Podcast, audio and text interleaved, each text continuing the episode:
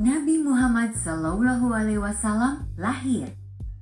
Adik-adik, Senin itu langit kota Mekah sangat cerah. Angin-angin kecil berhembus dari timur. Awan berarak rapi mengelilingi bukit-bukit kecil di sekitar Ka'bah. Suasana negeri Mekah hari itu berbeda dari biasanya. Di sebuah rumah kecil, hiduplah seorang janda bernama Aminah yang tengah hamil tua. Ia tampaknya mulai merasakan kesakitan pada perutnya. Keringatnya mengucur deras dari sekujur tubuhnya dan tangannya mencengkram kain selimut menahan sakit yang amat berat. Sementara suaminya Abdullah belum begitu lama pergi meninggalkan rumah untuk berdagang. Namun takdir tidak bisa ditolak. Sampai di Yastrib, Sahabatnya mengabarkan bahwa Abdullah telah wafat. Ia pergi meninggalkan Aminah untuk selama-lamanya, serta meninggalkan calon bayi di dalam kandungannya. Aminah sangat terpukul dan ia harus menghidupi anaknya tanpa seorang ayah.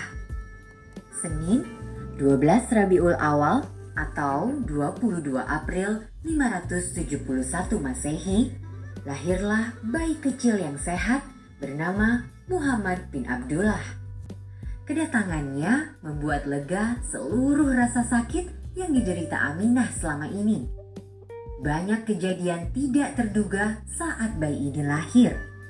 Dari rahim Aminah, tiba-tiba keluar cahaya yang menerangi sampai ke istana negeri Syam. Berhala-berhala sesembahan orang kafir tiba-tiba luluh lantak istana Kisra berguncang hebat dan api sembahan kaum majusi seketika padam. Aminah sangat bahagia dengan kelahiran putranya. Ia segera mengirim salah seorang utusan untuk mengabarkan kelahiran cucunya kepada Abdul Muthalib.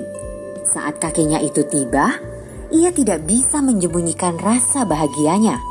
Wajahnya terlihat memerah dengan senyum yang mengembang.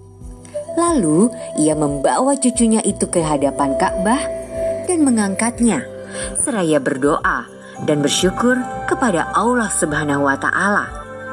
Hari ini aku saksikan inilah cucuku. Ia aku beri nama Muhammad. Semoga Allah Subhanahu wa taala meridoinya dan memuliakannya, kata Abdul Muthalib. Raja Yaman, Saif bin Ziyan serta Umayyah bin Abi Salah kemudian mengatakan bahwa cucu Abdul Muthalib ini kelak akan menjadi orang besar dan dimuliakan. Muhammad kecil pun hidup sehat dan bahagia seperti anak-anak lainnya. Walaupun ia lahir dalam keadaan yatim karena ditinggal oleh ayahnya Abdullah sejak masih dalam kandungan. Ia kemudian diasuh oleh kakeknya dan disusui oleh Suwaibah dan Halimatus Sadiyah. Nabi Muhammad kecil tumbuh menjadi anak yang periang dan suka bermain dengan anak-anak lainnya. Nah, adik-adik, hati Bunda Aminah terlihat bahagia sekali atas kehadiran seorang tamu kecil, Muhammad, anak kesayangannya. Semua duka atas kepergian suaminya seolah-olah terobati namun, tidak ada yang bisa menggantikan posisi ayah di antara umat manusia di atas muka bumi ini. Abdullah adalah ayah hebat, pejuang keluarga yang sesungguhnya, dan Nabi Muhammad kecil tumbuh menjadi anak yang cerdas dan soleh.